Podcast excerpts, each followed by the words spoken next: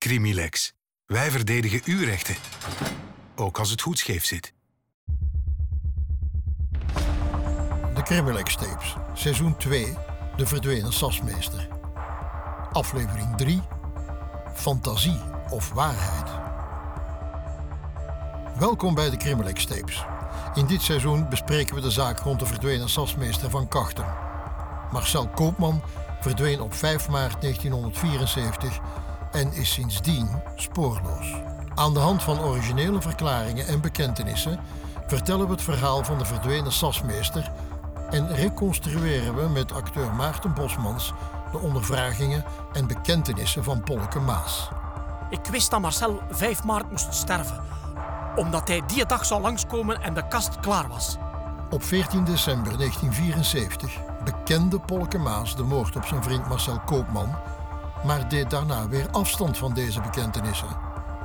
Wat eerst een ongelukkig ongeval was, werd later een moord in opdracht van Maria Popova, de vrouw van het slachtoffer. De BOB had steeds meer moeite om de verklaringen van Polke te volgen en te bewijzen. De verhalen werden steeds complexer en er verschenen plots andere mysterieuze personages op het toneel.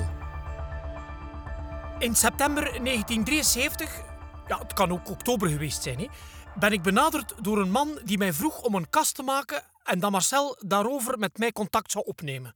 Dat was een grote man en een dunne. Ik denk dat hij eh, een jaar of dertig was. En zijn haar was ros. Of ja, het zou ook blond kunnen zijn. Hè? En hij had een snor. Ik noem hem Man X voor de gemakkelijkheid.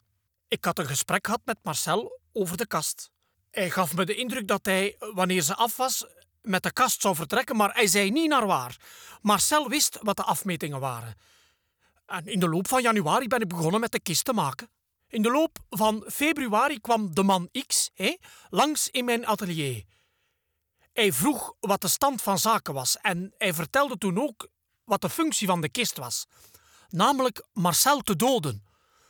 En hij vroeg ook mijn akkoord en mijn medewerking. En ik ben daarop ingegaan, want ik zag mijn kans om Maria en de kinderen te verlossen van een tiran. Hè? De mysterieuze man X had volgens Polke alles goed gepland. En op 5 maart zou de kast klaar moeten zijn. Op die bewuste dag werkten Marcel en Polke zoals afgesproken de kist volledig af. Ze werkten van 's morgens tot 's avonds en pauzeerden enkel om 's middags te gaan eten. Om half drie was de kast klaar. Marcel telefoneerde man X om dit te melden en vulde daarna de kast met kleding, dekens en houten bakjes. Dit vreemde gedrag deed Polke vermoeden dat de kast iets te maken had met een smokkelzaak.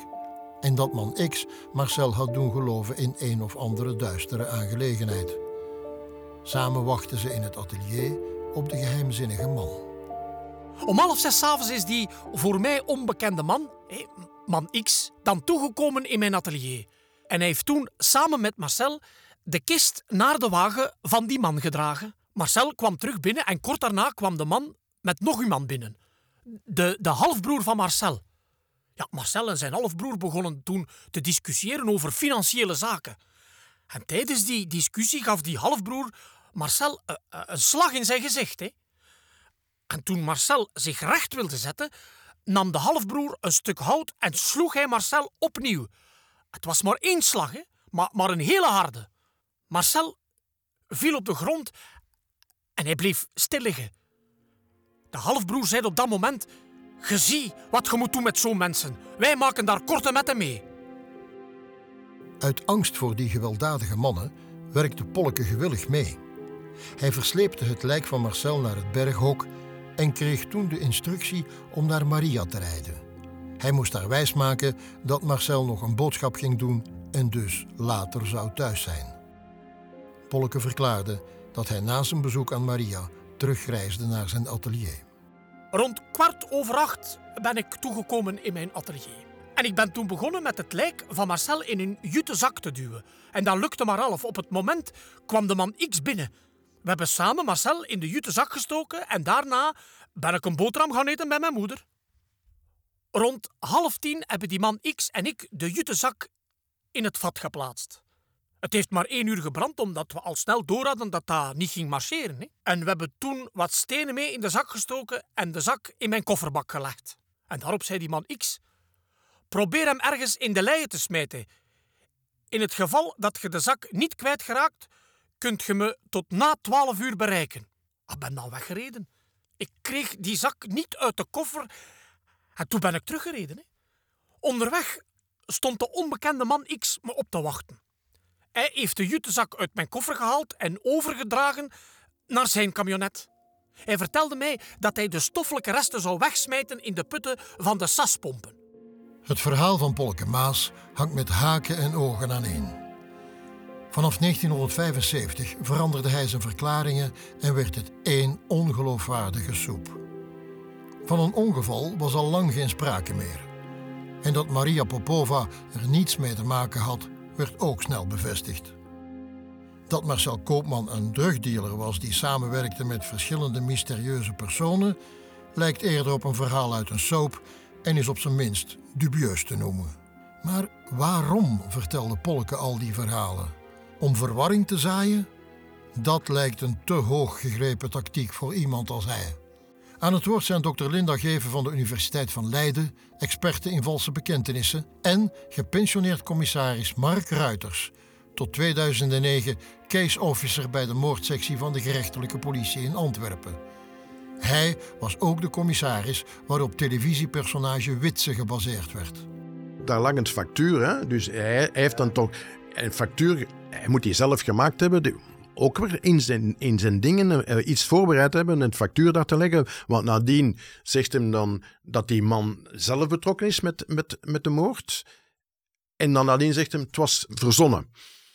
Verstaan? En, en toch ligt daar een factuur van die man. Dus dat heeft hem die factuur ook maar gemaakt hè, om, om iets uitleg te uh, Dus hij zat met allerlei, dat zijn allemaal rare constructies die hem, die inleidt. De ene na de andere onge, ongeloofwaardig, of, of ja, bon, hoe ik het ook moet noemen. Hè. Dus het komt ook vooral bij valse bekentenissen echt wel voor dat je een soort van uh, verandering ziet in wat er is opgeschreven en wat de verdachte ook telkens ondertekent. Uh, en dat het dus, dat eerdere verhaal klopte niet, nu ga ik echt de waarheid vertellen. Ja, en dat is hier heel erg opmerkelijk. Dat zie je eigenlijk wel vaker terugkomen, maar eigenlijk zowel in ware als in valse bekentenissen. Dus het kan heel goed zijn dat je het wel hebt gedaan, uh, maar dat je eerst met een soort half onschuldig verhaal op de proppen komt. Dus inderdaad, het was een ongeluk, uh, ik kon er niets aan doen. Maar ik, hij heeft hem dan wel uh, in een vat gestopt en allerlei dingen mee gedaan om toch aan iets te ontkomen. maar dat zie je eigenlijk ook bij valse bekentenissen. Dat het een soort van in samenwerking met de politie, gebaseerd op de informatie die dan voorhanden is, dat daar dan een bekentenis van wordt gemaakt. Dat uh, noemen we eigenlijk wel ja-zeggers. Dus mensen die van nature het heel erg moeilijk vinden om tegen anderen in te gaan. Uh, en een uh, andere variant is compliance. Dus dat zijn mensen die heel erg meegaand zijn. En met name naar autoriteit. En de politie is voor heel veel mensen echt wel een autoriteit. Vaak heb je nog nooit gelukkig in een verhoorkamer gezeten zitten daar in één keer twee, drie en in dit geval soms denk ik wel vier uh, agenten tegenover je. Ja, dan is het heel erg moeilijk om voet bij stuk te houden en niet maar mee te gaan in het verhaal, vooral als je daar zelf een voordeel uit zou kunnen behalen. Um, en dan lijkt een bekentenis geven niet per se een direct voordeel. Maar wat we vaak zien is dat mensen de lange termijn een beetje uit het uh, oog verliezen. Dus dat je eigenlijk denkt, nou ja, ik vind deze situatie zo verschrikkelijk, ik wil hieruit. En het enige wat ik kan doen is nu een bekentenis geven. En dan zal ik later wel gaan aantonen dat dat niet waar zou kunnen zijn. Uh, maar dat later komt niet altijd. En soms kun je het ook helemaal niet aantonen. En soms uh, ja, zit je al in de gevangenis en wordt het heel erg moeilijk om dan nog op je verhaal terug te komen. Tijdens het onderzoek dat maanden duurde, heeft Polke op verschillende momenten zijn bekentenissen terug ingetrokken.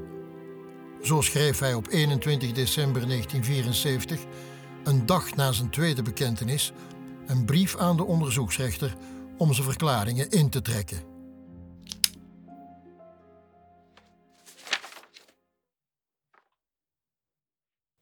Meneer, Hiermee kom ik u dit schrijven tot u te richten om u zeer beleefd te vragen mij te willen verontschuldigen aangaande alle verklaringen en bevestigingen die ik gedurende de negen dagen laatstleden heb afgelegd bij u en de BOB te Kortrijk.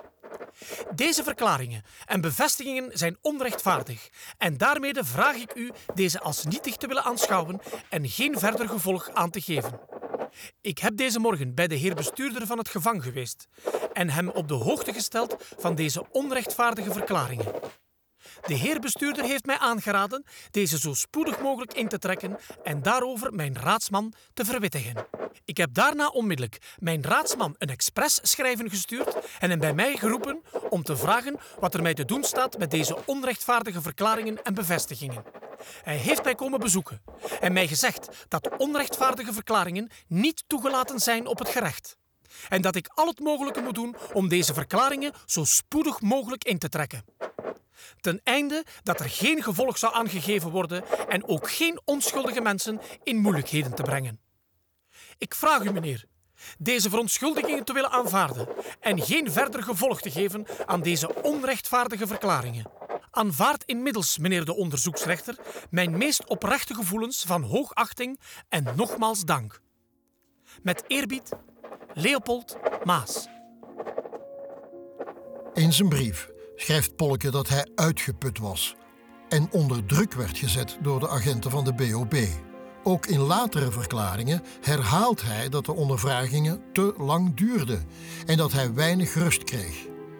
Hij mocht amper slapen en werd op onregelmatige uren ondervraagd. In de jaren 70 waren de tijden uiteraard anders. We vroegen aan deskundige Mark Ruiters en Crimilex strafrechtadvocaten Bart Vosters en Christophe Biele hoe een ondervraging er toen aan toe ging. Ik heb in ieder geval vastgesteld en gelezen, heel, ik was ten zeerste verwonderd. Dat waren ten eerste ellenlange verhoren, lange bladzijden, soms 14, 15 bladzijden. En niet alleen dat, maar dus ze verhoren met vier uh, rijkswachters of BOB'ers tezamen. Dus, ik verhoor dat nog liefst alleen. Dat mag. Het moet niet altijd met twee zijn, gelijk dat wordt verteld. Maar bon, dat hangt er vanaf wie, wie beschikbaar is. Maar met, ik heb nog nooit met drie mensen samen een verhoor afgenomen. Hier hadden we telkens met vier. Ja, plus dat dat dan ook nog eens s'nachts wordt afgenomen. Uh, bijna rond middernacht.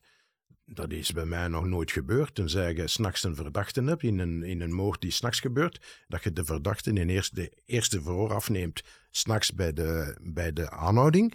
Maar de rest van de verhoren kan ik me niet inbeelden, ook niet bij mijn collega's van vroeger, dat wij dat continu s'nachts deden. Tot vier uur s'nachts zelfs. Dus uh, een beetje onwaarschijnlijk. Nadien wordt er ook wel gezegd, ja, hij was vermoeid door die lange ondervragingen. Nu, om te spreken in het verleden naar toen, dat is heel moeilijk, omdat we ons ook heel moeilijk in die plaats kunnen, uh, kunnen stellen.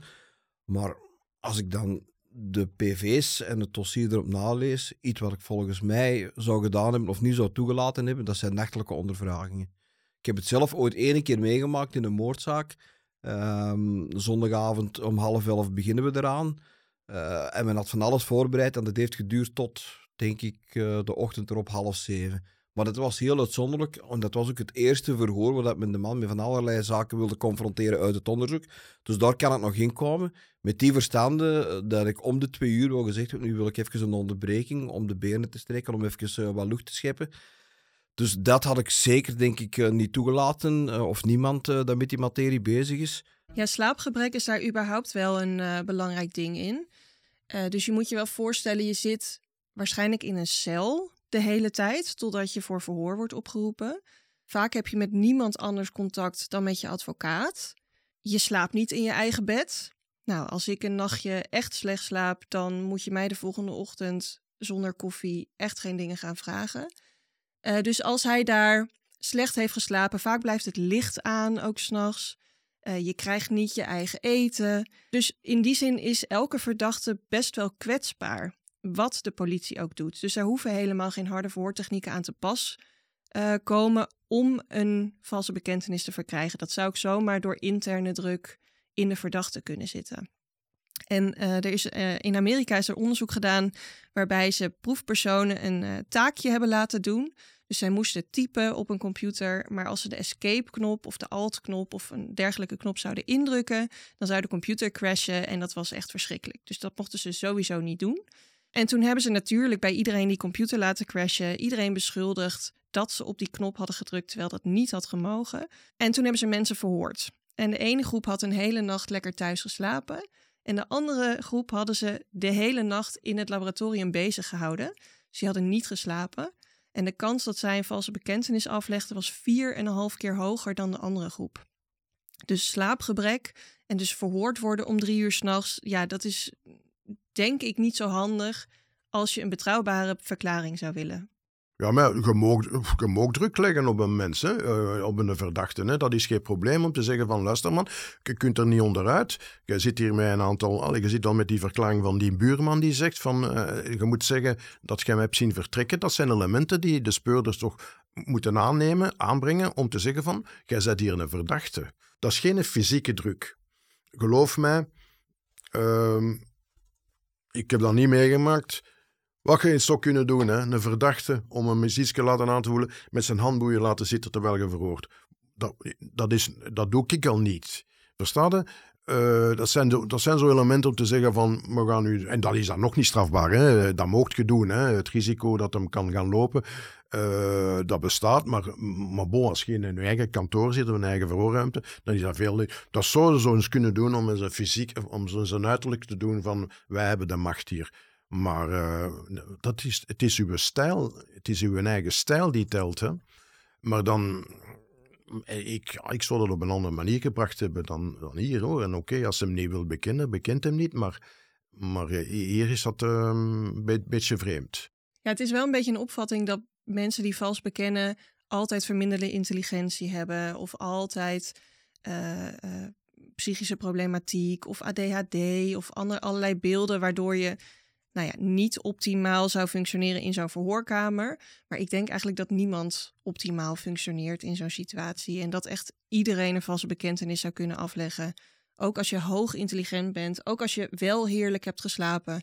Er kan natuurlijk van alles gebeuren waardoor het alsnog misgaat. Dat mensen rare kronkels maken, ingegeven misschien door die uren en uren verhoren. Want het dossier, laat dat duidelijk zijn, bestaat uit meer dan duizend bladzijden. En op de twee wedersamenstellingen na zijn dat vooral verhoren, want dat was de onderzoekstechniek. Iemand zegt iets en dan gaat dat geconfronteerd worden met allerlei andere getuigen.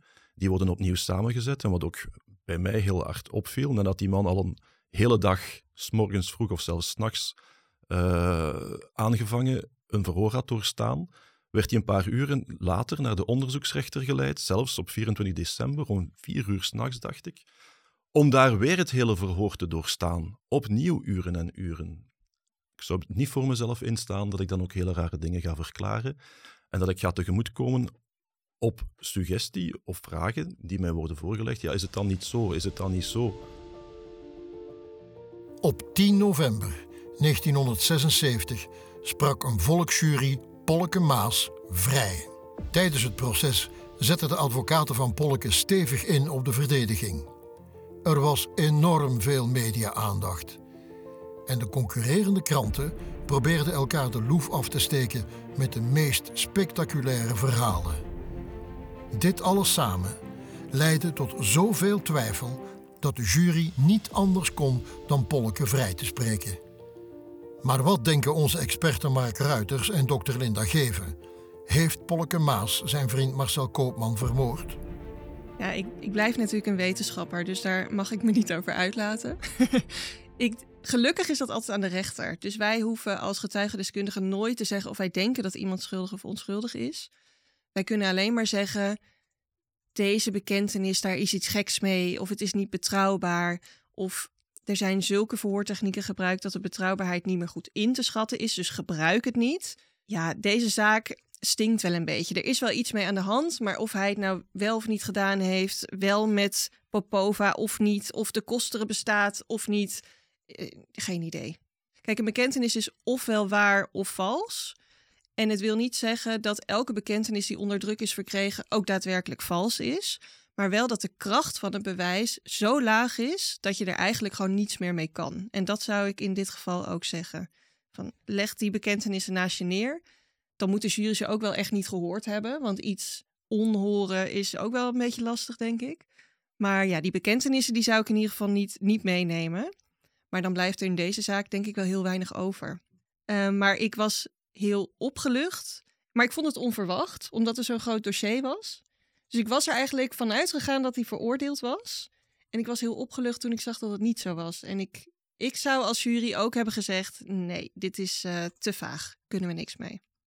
Ik denk dat er, uh, ik, persoonlijk denk ik wel dat, er, dat, er, dat er meer achter zit dan dat hem onschuldig is. Maar uh, ik heb ook geen idee van, zijn er andere pistes onderzocht? Maar daar waren ook bijna geen andere pistes. Hè? Dus uh, vanuit het privéleven van, met zijn vrouw, die Maria, dus uh, Koopman dan, uh, daar was bijna, er is geen sprake van andere dingen. Hè. Te, tenzij, ja, het is al, tenzij dat in het dossier staat dat ik niet gelezen heb. Maar wat hebben ze, hebben ze dat gebied en die bril teruggevonden, bijvoorbeeld. Daarover spreken ze. Op een moment zegt hem: Ik heb dat gebied en die, in die bril weggegooid om, om te laten uitschijnen dat hem, dat hem verdwenen is of boos wat. Dus hij zegt dat toch met een bepaald idee. Hè? Dan zou ik, dat zou nu ook gebeuren, dan zouden wij heel die weg afgaan om, om, dat, om dat terug te zoeken. En als dat klopt, dan, dan heb je toch al iets meer. Maar ja, nogmaals, in 74 ik heb een verdwijningszaak van in 76. Was, dat is een klein dossiertje. Hè? En uh, daar is veel, als dat nu had moeten gebeuren, had er veel meer moeten in gebeuren. Maar je kunt dat moeilijk verwijten aan, aan de mensen van in 74. Als ik in de jury zou hebben gezeten, zou ik hem hebben vrijgesproken.